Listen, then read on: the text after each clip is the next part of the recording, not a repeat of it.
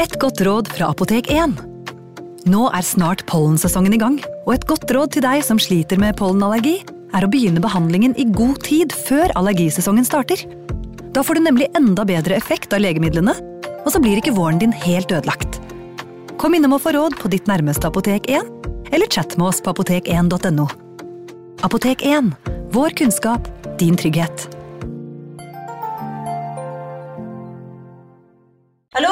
Jeg kommer fra Oslo politikammer. Ine Jansen er purk. Er du purk? The motherfucking bitch. Alt jeg vil, er å finne ut hva som skjedde med mannen min. Jon Carew. Er jeg sikta for noe? Iben Akeli. Det er du. Ole So, Lars Berrum og Big Daddy Karsten. Hvem sin side er du på, egentlig? Anette Hoff, Tone Danielsen, Kommer du fra Afrika? Jørnis Josef, Nesten. Kløfta. Trond Espen Seim, Det er synd å si det, men det var feil mann som døde. Purk. Premiere tirsdag på TV2 Play.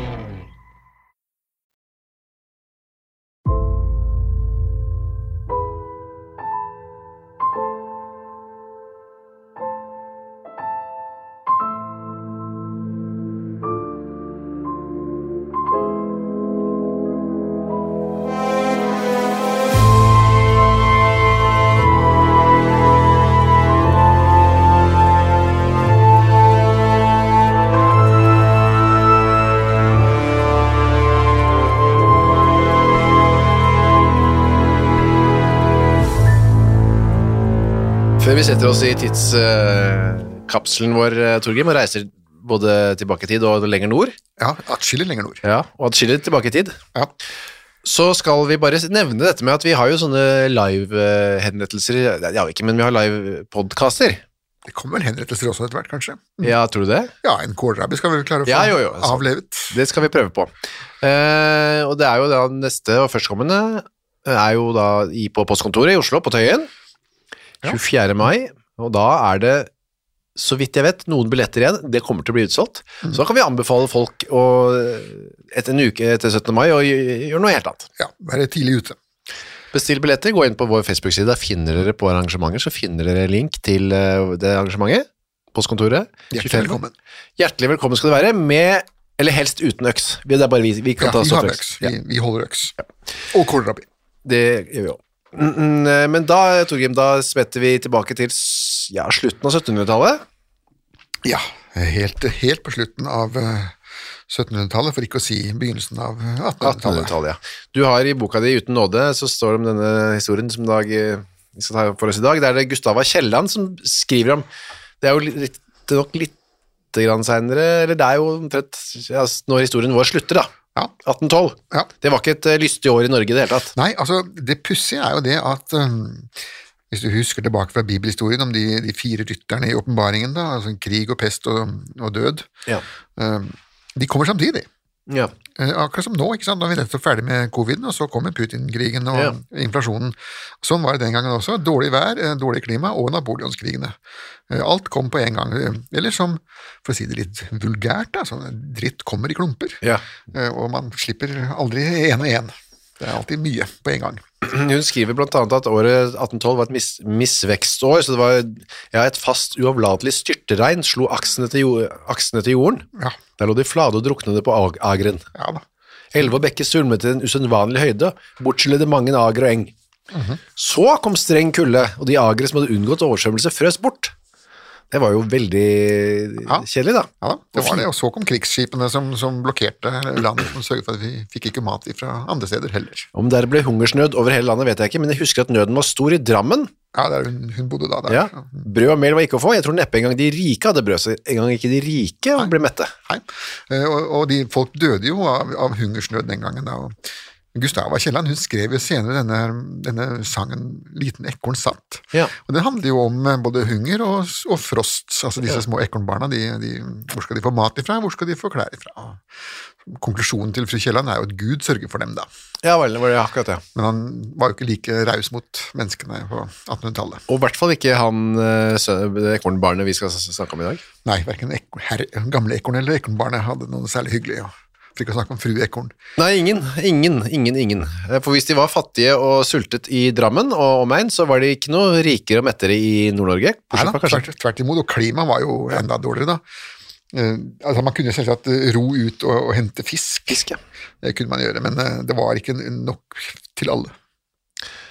Ole Steffensen øh, han ble egentlig født i Trondheim, han 1775. Det er liksom ukas hovedperson. På Lade, ja. på Lade, Som den gangen eh, vel egentlig ikke var Trondheim i prinsippet. da, Det var jo mer ute på landet. da, Dette var jo en sånn bondegård som het Granåsen.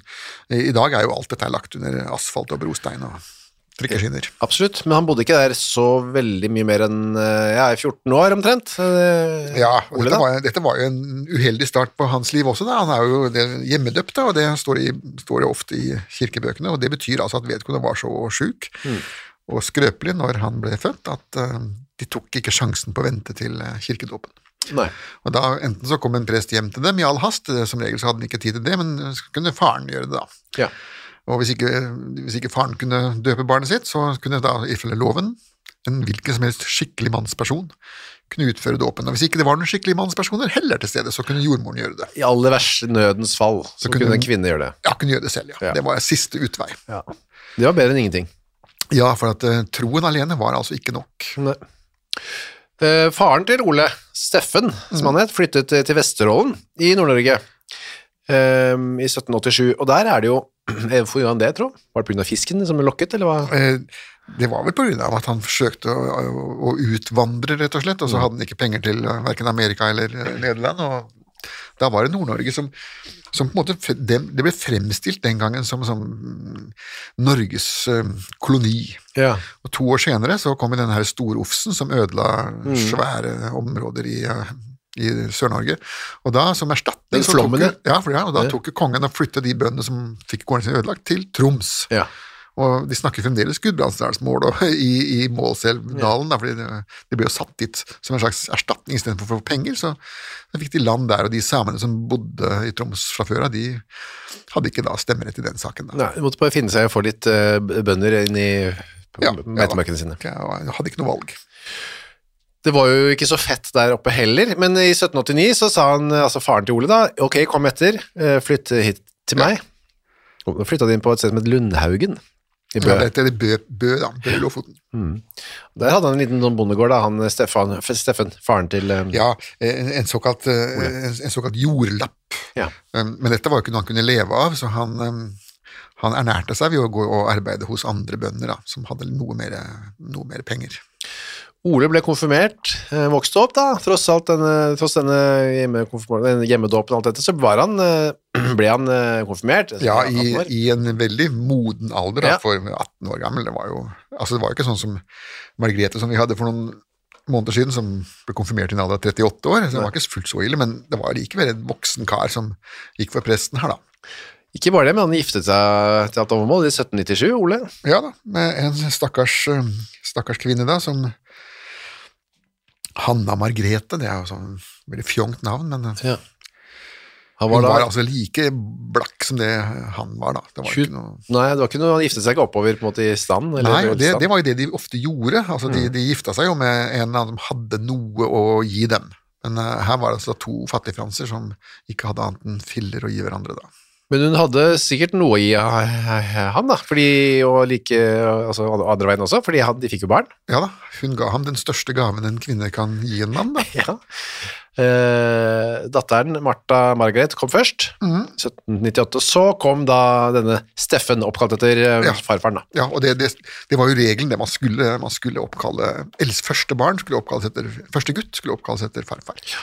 Så ble det fra Steffen Ole Steffensen ble det Steffen Olesen. Steffen, ja, nettopp. Steffen Olsen, ja. Olsen, ja. Ja, der bodde altså alle, alle sammen bodde nå hjemme hos denne gamle utvandreren, Steffen. Ja. Men det ble litt, det ble litt trangt, det. Ja, for de snylta jo på han. Ja. Altså, eller som det het eh, i 30-årene, de åt på foreldrene. ja. Eh, Det er jo en skikk som har dukket opp igjen i våre dager, så vidt jeg har forstått. Så bor de fremdeles folk, Yes, hjemme. For lenge. ja, for, for, folk på 35 år som bor hjemme hos eh, sine foreldre og mm. eter på deres eh, pensjon. Gamer og koser seg. Ja, og man rynker fremdeles litt på nesen Ja. av det, da. Ja, men det er det. Og da også, altså. Ja, ja Det ble ikke sett på som helt comme il faut.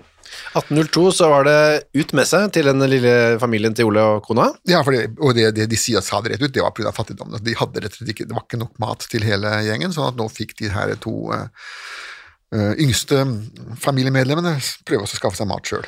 Ole da drar til en eh, sted som heter Vinje. Kona hans, altså ikke Vinje som i Telemark. Nei, det er mange, mange vinjer. Ja. Men mange bø også. ja. Dette er altså fremdeles i Bø. Lo- Lofoten. Ja. Og eh, hun andre, altså kona hans, jobbet hos eh, en som het Markus Johnsen. Ja. På Det Skagen. var heller ikke noe uvanlig at eh, i ektepar måtte i, i nød og elendighet rett og slett fysisk skilles ad. Altså, de ble jo ikke kirkelig skilt, de var fremdeles gift. Ja. Men altså, de, de ikke, det var ikke plass til dem eller jobb til dem på samme bondegården. Og bar barna, hva skjedde med dem? Nei, de havnet jo da hos fremmede mennesker der de ble satt bort. Som et slags tjenestebarn? Ja, altså de som, kunne, de som kunne gjøre noe, eksempel hvis du var fem år gammel, så kunne du gjete. Ja. Eh, Og det var den slags de ble satt til å gjøre arbeid, de ble ikke bortskjemt eller underholdt eller noe sånt. De gikk ikke på noen skole eller noe? Nei, nei, nei. nei, nei. Her, eh? Den skolen de fikk um, i Nord-Norge på, på slutten av 1700-tallet, det var konfirmasjonsundervisningen. Ja. Du skulle lære utenat uh, de ti bud, og på en toppiddansforklaring hvis du hadde evnen til det. da. Men det var, var ikke da å lese, man trengte ikke å lese noe? er- bøker var så dyrt at det, det hadde de ikke. Det var, man måtte lære det utenat der Ja. og da hos, hos klokkeren eller den såkalte skolemesteren da, som, Mm. som hadde disse konfirmasjonsforberedelsene. Så man kunne fint være konfirmert og uten å kunne lese eller skrive. Ja, du skulle bare kunne plapre utenat. Ja, riktig. Etter et par år så har de kanskje spart akkurat nok da, til at de kan flytte sammen igjen, eh, Ole og Hanna Margrethe. Ja, men de flytter ikke sammen på egen gård, de, de flytter sammen, de, er- de tilfeldigvis, eller ikke tilfeldigvis kanskje, planlagt. Nå får de iallfall jobb på samme Går, ja. gård, altså de får, de får seg tjeneste hos samme arbeidsgiver. Føre heter denne gården. Ja, Og de er da innerster, som det kalles.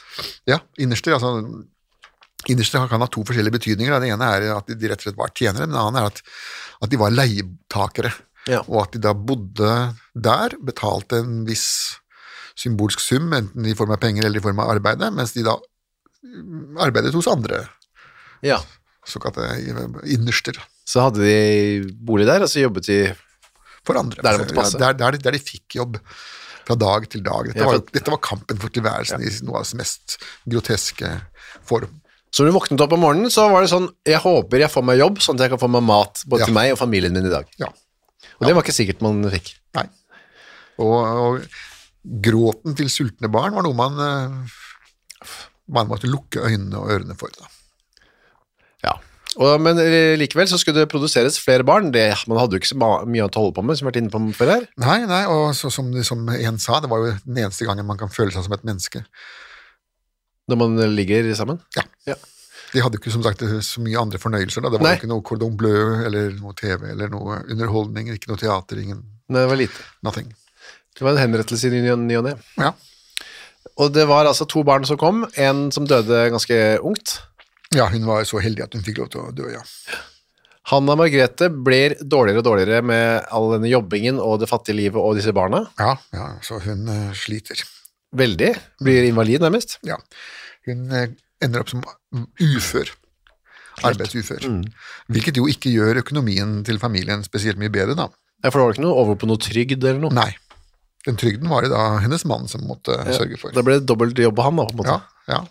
Men eh, altså, han, han bøyer jo nakken, da. Han bøyer ryggen og, og, og, og går på, da. Altså, han har jo ikke noe annet å gjøre, og han kunne ha hengt seg, men eh, som vi har snakket om før, det var jo, det var jo straff i helvete, det. Ja. Så du var ganske låst i denne jordiske Jammerdal. Ja da. Her var det bare å snakke om å holde ut. Men Oppå alt dette her, da, så kommer da den unge, nå ti år gamle Steffen, Ja. sønnen til Ole, Ja. eh, og begynner å få et veldig dårlig rykte i bygda. Ja, eh, og det er vesentlig fordi at han stinker.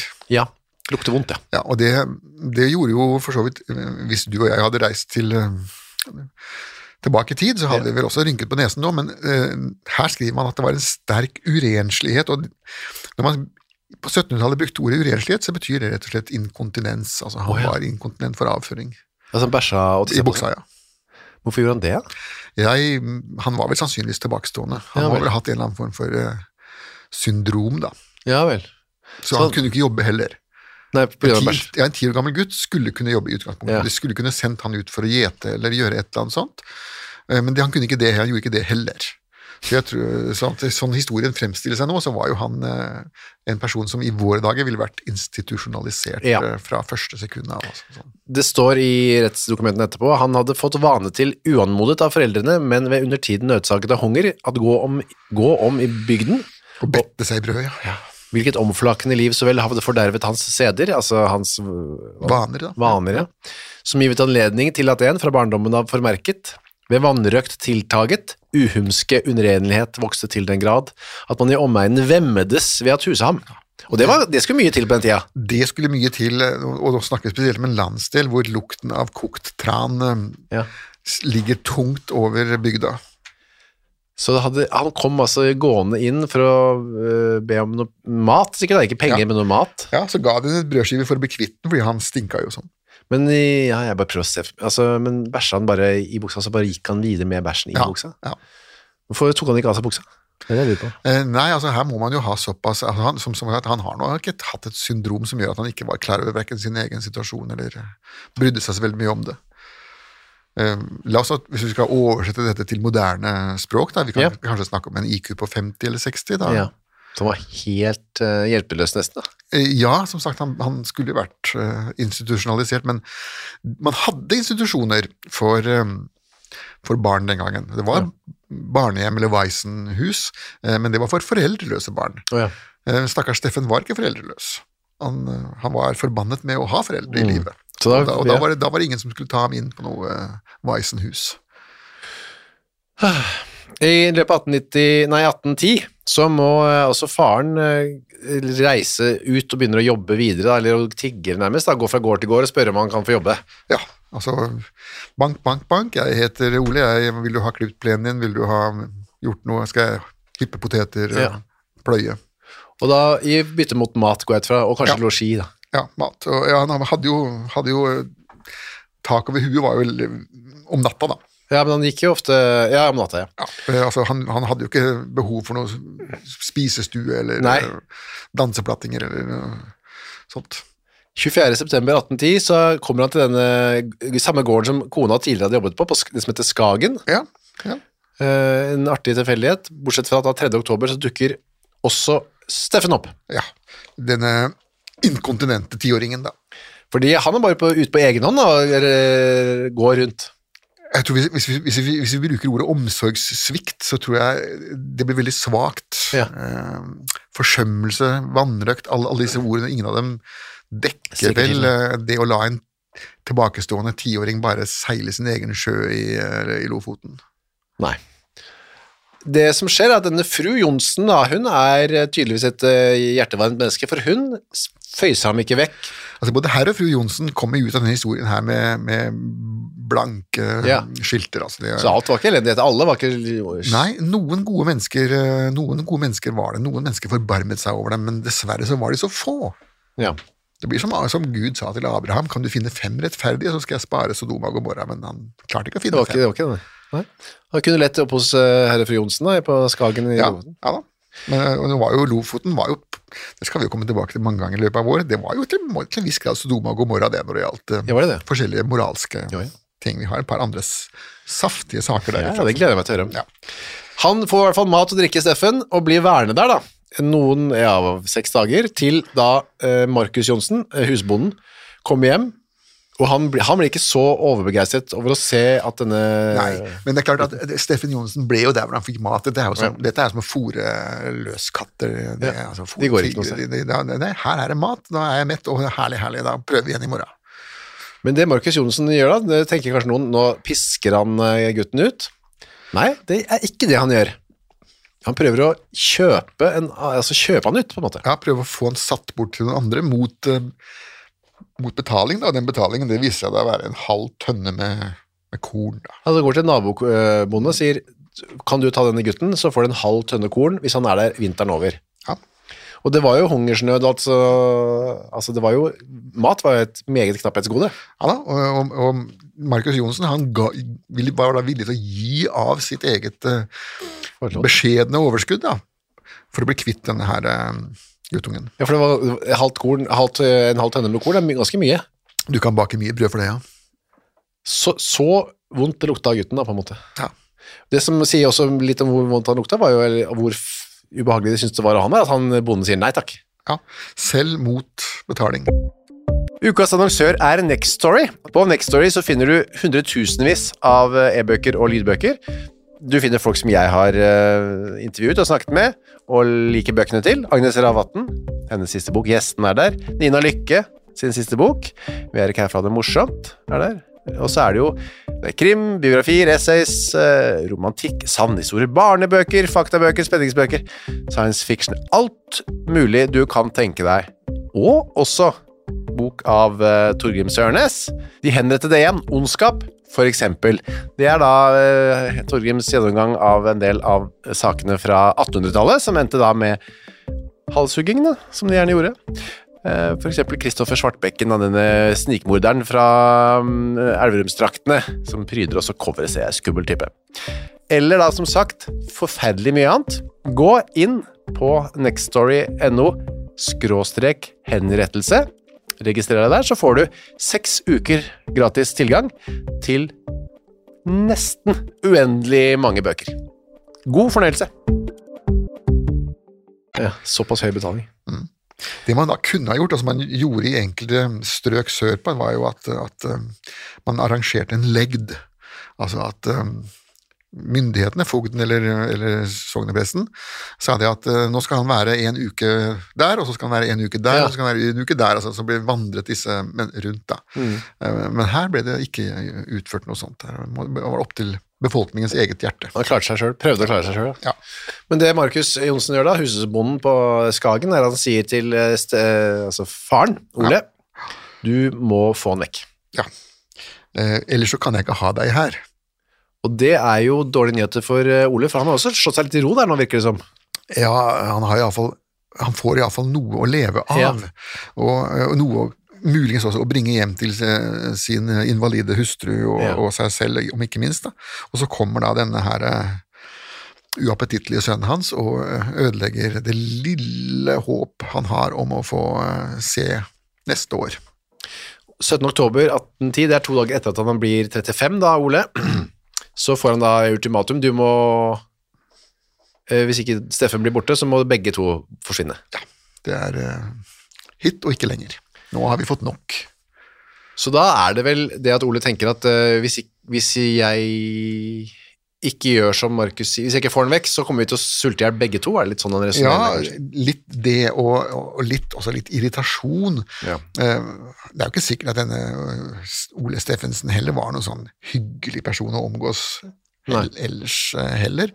Men nå, nå har han iallfall fått nok av denne sønnen, og han har fått nok av det forferdelige livet sitt, og fått nok av sult og fattigdom og kulde og elendigheten, og gir den blanke. Det der oktober i 1810, det var ikke noe sånn varm sånn Indian summer, kan vi se for oss? Eh, nei, eh, saken er jo den at, eh, at eh, i 1783 så gikk jo eh, vulkanen Grimsvøten i lufta. Og været ble jo helt forferdelig over hele Europa i årevis etterpå. Det var jo det som utløste både napoleonskrigen og den franske revolusjonen. At brødprisene gikk jo opp og ned som jojoer, og Ja. man visste jo aldri om Og til slutt så kom jo Storofsen i Norge da, og ødela og Så dette var, jo, dette var jo en vulkan på Island, og vi kunne jo bedt dem om erstatning, men det, det er jo ikke siste gangen en vulkan på Island har ødelagt for Nei, nei, europeerne. Jeg husker husker den her fjellet med det uuttalelige Eyjafjalla-balla Ja, alle burde askefast-opplegget. Ja, ja, ja. det Ja, De plager oss, de der. ja. Så, så, så ble det dårlig vær gjennom hele napoleonskrigene, og hungersnød og misvekst, og så var endelig napoleonskrigene over. da I 1815 så gikk da vulkanen Tambora i lufta og, og lagde år uten sommer osv. Så, videre, så at det var, dette var håla bud. Så i en mørk høstkveld der sitter eh, Ole og spiser eh, aftensmaten sin på kjøkkenet til eh, Markus og Ja, og husk på, nå er vi jo langt over polarsirkelen, det så det er det, her er mørkt. Det er mørkt, ja. Så tar han bare med seg Ole under armen, nei, Steffen under armen. Ja, ja det, det sier også en tiåring. Eh, Man tar jo normalt ikke en tiåring under armen uten videre, men dette er jo en liten, sped og spinkel, ja. skrøpelig tiåring, da. Ti år, han er ikke, nei, han er ikke stor uansett, men kanskje spesielt liten var han her da. Ja, her snakker vi om underernæring fra, fra unnfangelsen av. Ja. Og, og alle menneskene var jo små, men eh, han her er jo beskrevet som ytterst liten og skrøpelig og, og svak og syk. Anna og Else heter to tjenestepiker som sitter også på kjøkkenet. De spør ikke hvor Ole skal med sønnen sin. Her da, men det- de, de er vel bare fornøyd med at nå ble det litt bedre og lettere å puste. Lettere å puste. Forsvant eh, stanken.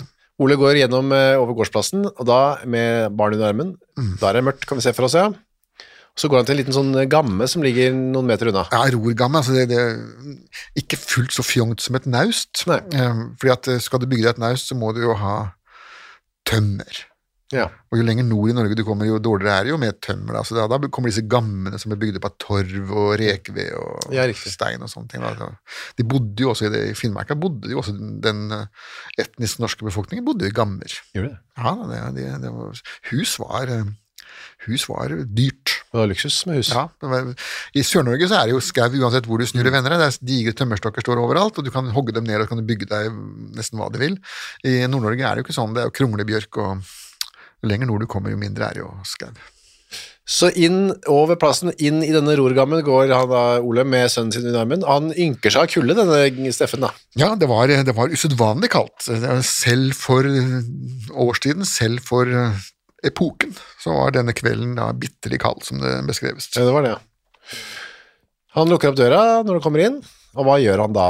Ja, da tar han altså sønnen sin, som han har båret ned. nede. Altså denne, denne, denne sønnen har da på veien ynket seg av, av kulde. Ja. Eh, og eh, idet de kommer inn, så kaster han da rett og slett sønnen opp i taket, eh, altså foran seg.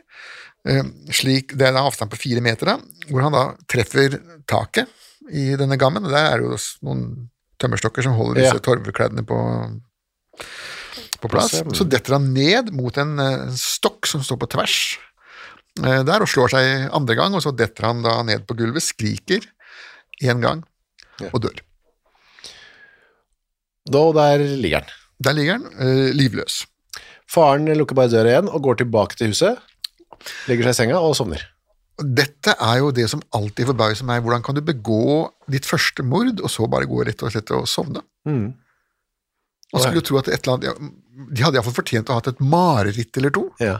Det vet, det vet vi ikke om han hadde. Et mareritt. det Nei, kan man han sa iallfall han sovnet deg. Han sovnet greit, sov, sov greit. Han var jo trøtt og sliten sikkert, eh, og underernært. Og, og, og når du har en så elendig tilværelse som det Ole Steffensen hadde, så er det klart at det å sove Mm. det er jo den ene gangen da du kan glemme Ja. det som skal komme da. Og drømmer deg bort til lysere og lykkeligere dager. Ja, ja, hos Nola og Luping, som Rolf Rolfhus Nilsen vel sa. Varme og palmer og Og mat i overflod. mm, Ja, ja. Vel, det er ikke det som venter han når han våkner igjen, da, fordi da, han har jo ikke vært noe sånn spesielt sånn forbrytergeni her heller, han har bare latt gutten gutten ligge der. Han blir oppdaget. Ja da, og han, eh, han sa jo etterpå det at han var jo ikke helt sikker på om gutten var ordentlig død heller, men han regner med at han ville dø i løpet av natta, for han ville iallfall fryse i hjel, fordi at det var en sånn sterk kulde som hadde kommet samme, samme kveld, altså en kuldebølge. Ja, han blir spurt, eh, for han blir øh, tilkalt til en slags samtale etter at de har funnet dette liket. Ja, Og Han det, hadde jo ikke forsøkt å gjemme det engang. Da spør han, blir han spurt om det er sant at han hadde avlivet sin sønn, og det nekter han for. Ja, det, men altså det, å, det å bare si nei eh, når du har liksom veldig mye bevismateriale mot deg, da, så det er jo ikke særlig snedig, men nå var vel kanskje ikke Ole Steffensen før heller noe spesielt snedig, da. Nei, han blir også sett av disse tjenestejentene på vei ut med denne gutten under armen. Ja. Det blir en slags, ikke obduksjon, men en liten besiktigelse av liket. 20. oktober. Det pussige er det at obduksjon var faktisk hjemlet i en kongelig forordning allerede i 1751, at, at funne lik skulle obduseres. Um, og i Danmark så gjorde man det. Ja. Mens i Norge så var jo nærmeste lege her var jo da um, Trondheim.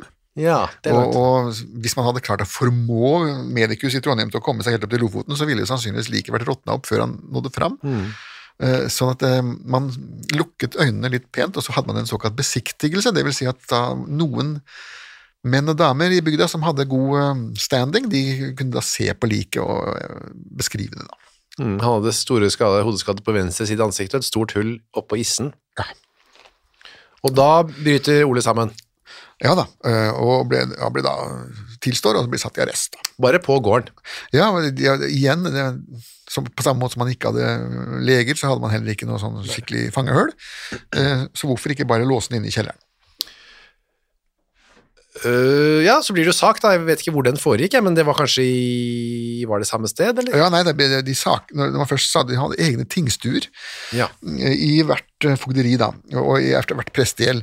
Og det var gjerne, gjerne hos lensmannen. Ja. Eh, av og til så hadde de, hadde de dem på vertshus, hvor det var litt større, større lokaler. Altså man, man leide seg inn der, da, eller på hoteller, eh, eller hva som det het, sånn herberger, da. Men som regel så var det enten fogden eller, eller lensmannen som måtte stille opp med, med lokalet, og gjerne fordi at hvis da forbryteren satt i kjelleren hos lensmannen, så var det veldig fort gjort å bare dra han opp og Ja, kjøre saken. Det var ikke noe sånn transport. Det gjaldt jo å spare penger, da. ja alltid det. Ja, norsk, norsk offentlig administrasjon har helt siden slaget ved Stiklestad vært eh, besatt av å spare penger for enhver tid. Spare på skillingen. Under rettssaken så blir han spurt om han har gjort noe mer enn å bare slenge han inn i, opp i stokken og ned i stokken. Ja, han, han, han nekta for det. Han hadde ikke, han hadde ikke fysisk eh, gjort noe mer, altså kverten eller, eller sånt, men eh, han sa det at eh, hvis gutten ikke hadde dødd, så var det hans hensikt. Han hadde tenkt å drepe den. Altså, denne gutten skulle ikke ut av den gammen i live. Eh, Men nå døde den såpass fort, eh, fordi at eh, barnet var jo meget svakt og sykt, som han sier, og det, det er vel sikkert sant, men han blir ikke noe friskere av å bli pælma i taket. Nei, det hjalp ikke. Nei. Det er en dom som faller da 10. november 1810. Ja, ja, og det, der er det sorenskriveren som virkelig tar den helt ut, da. Ja.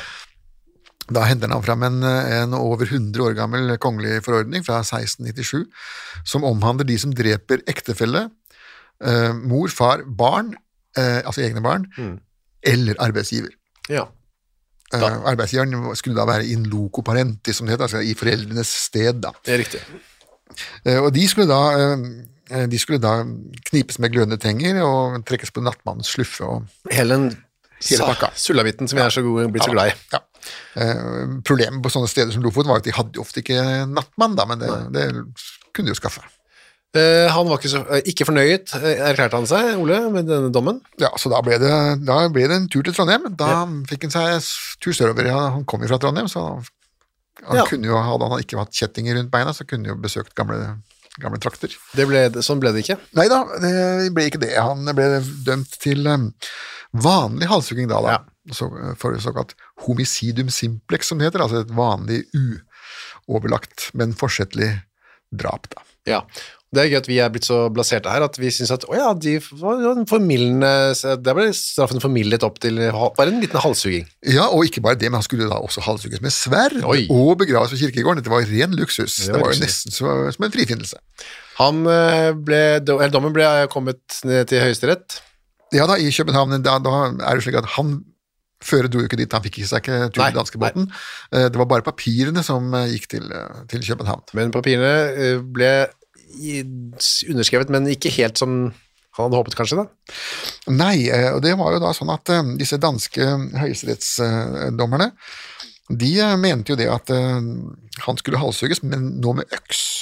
Og så var det et overlagt mord. Ja, så da skulle hodet, hodet opp på en eh, stake, da.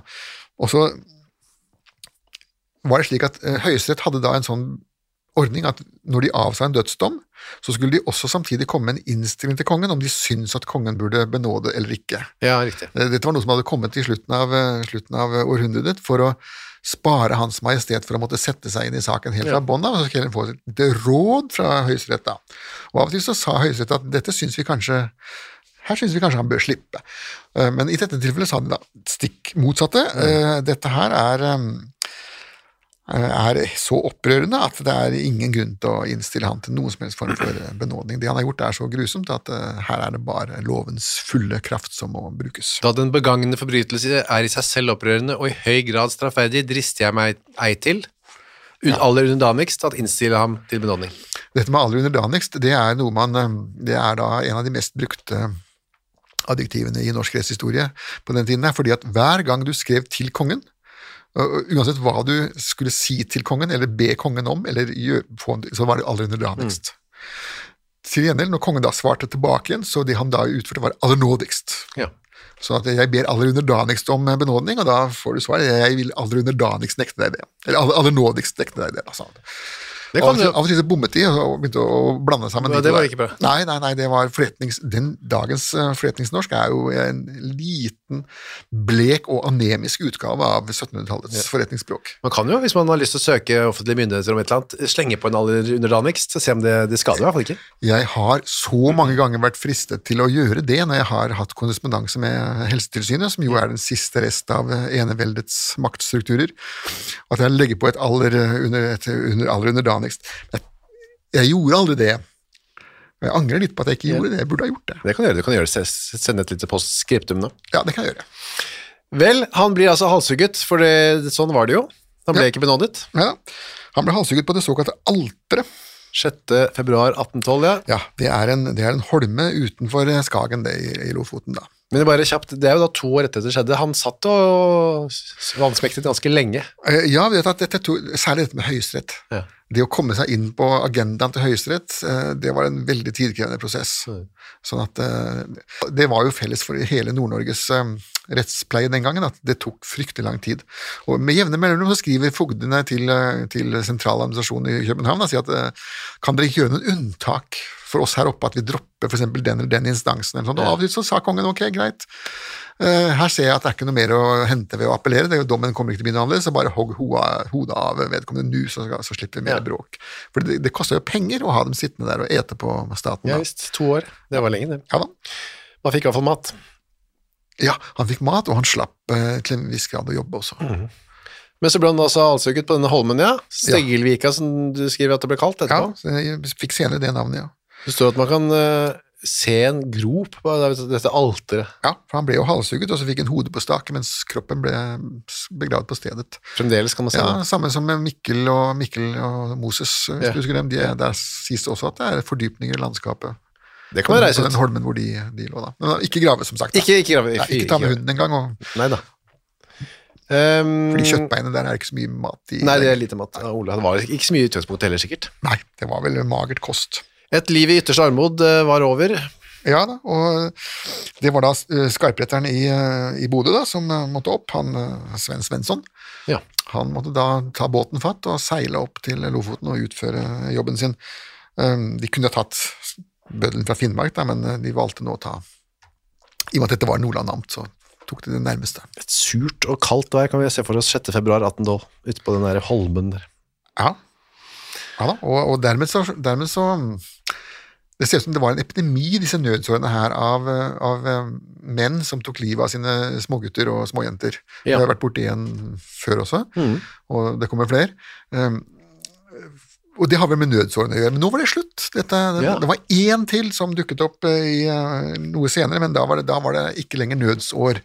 Eh, De som begikk eh, drap på sine halvvoksne barn etter dette, det, de gjorde det av ren og skjær eh, ondskap. Ja. Vel, så da lukker vi det kapitlet. Og så sier vi, sier vi at det var det, og vi er tilbake neste uke. Men, Torgrim, da er det ting som skjer med henrettelsesbåten fra og med neste uke. Jeg lytter. Ja, du vet det, men du vil kanskje at jeg skal si det? Ja. Da er det uh, sånn at vi kommer fremdeles en gang i uka med grusomme historier fra nei, fjern fortid, stort sett. da. Ja, og ikke alltid så fjern. Men ikke så fjern som man kanskje skulle få inntrykk av. Uansett uh, så er det sånn at vi da kommer til å gå bak det som kalles en uh, mur av betaling. Men den muren, må vi si, Torgrim, den er ganske lav. Ja, altså det er jo ikke snakk om å tømme lommeboka si her. Nei. Absolutt ikke. Det er, vi regner på det, så det er under en pris av to kaffe. I hvert fall litt god kaffe, sånn som du pleier å drikke. Eh, ja, eh, litt avhengig av kvaliteten. Ja, det er klart at det- Hvis du går på stortingsrestauranten, så er det jo subsidiert kaffe, da. Ja, det er et par-tre sånne, kanskje. Ja.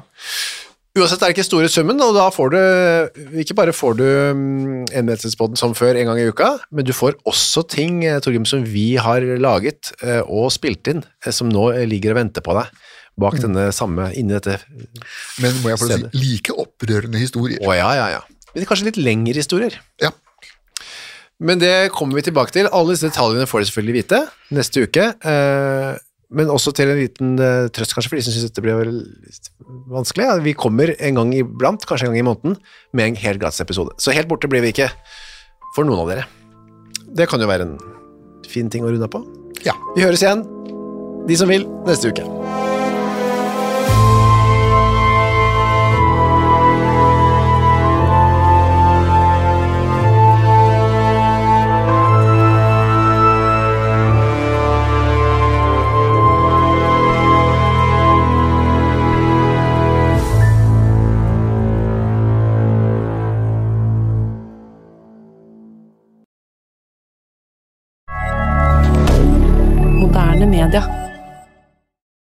Har du et enkeltpersonforetak eller en liten bedrift? Da er du sikkert lei av å høre meg snakke om hvor enkelt det er med kvitteringer og bilag i fiken, så vi eh, gir oss her, vi. Fordi vi liker enkelt. Fiken superenkelt regnskap. Hei, takk for at du hører på Henrettelsespodden. Skulle du ønske at du kunne høre en ny episode av denne podkasten hver eneste uke? Ja, da er det bare å laste ned podkastappen Untold med en gang. I tillegg til at du får da Henrettelsespodden en gang i uka, så får du andre ukentlige podkaster som Historiepodden, True Crime-podden og Gangsterpodden, for å nevne noe. I tillegg til masse annet reklamefritt og eksklusivt innhold, blant annet noen godbiter, da, signert Torgrim og meg. Last ned Untold i AppStore eller på Google Play, og start din 30 dagers gratis prøveperiode i dag.